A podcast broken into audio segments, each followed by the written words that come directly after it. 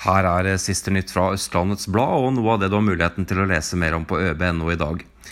NSB skifter navn. Vy blir det nye navnet når NSB samler tog- og bussvirksomheten under en ny felles merkevare. Og det var en tydelig stolt NSB-sjef Geir Isaksen fra Oppegård som presenterte det nye navnet på en pressekonferanse på Oslo sentralstasjon tidligere i dag. Det er ikke dekkende navn. Vi er ikke Norges Statsbaner lenger.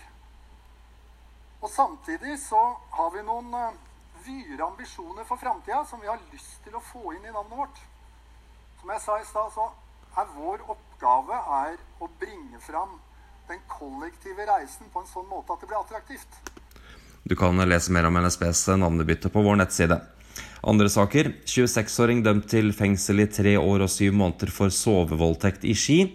Og vi følger også to rettssaker i dag. Eiendomsmegler fra Kolbotn drar tidligere forretningspartner for retten. Vi følger denne saken, og vi følger også rettssaken mot den eh, bedrageritiltalte bruktbilforhandleren som har operert i Follo og store deler av Østlandet. Vi fortsetter også å følge reisingen av det nye utkikkstårnet på Grønliåsen i Oppegård. De 17 meter høye stolpene er et skikkelig blikkfang, og interessen for tårnet er stor i hele Oppegård. Tog som står parkert på dagtid, kunne vært brukt til flere nye avganger på Østfoldbanen. Og du har også muligheten til å lese mer om butikksjef Henning.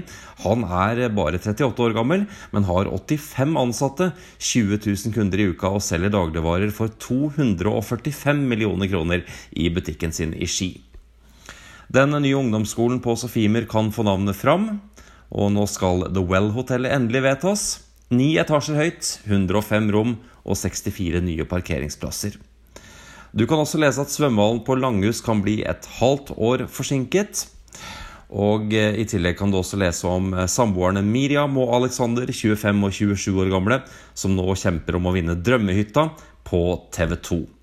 Dette og mer til på øb.no akkurat nå. Ha en fin dag.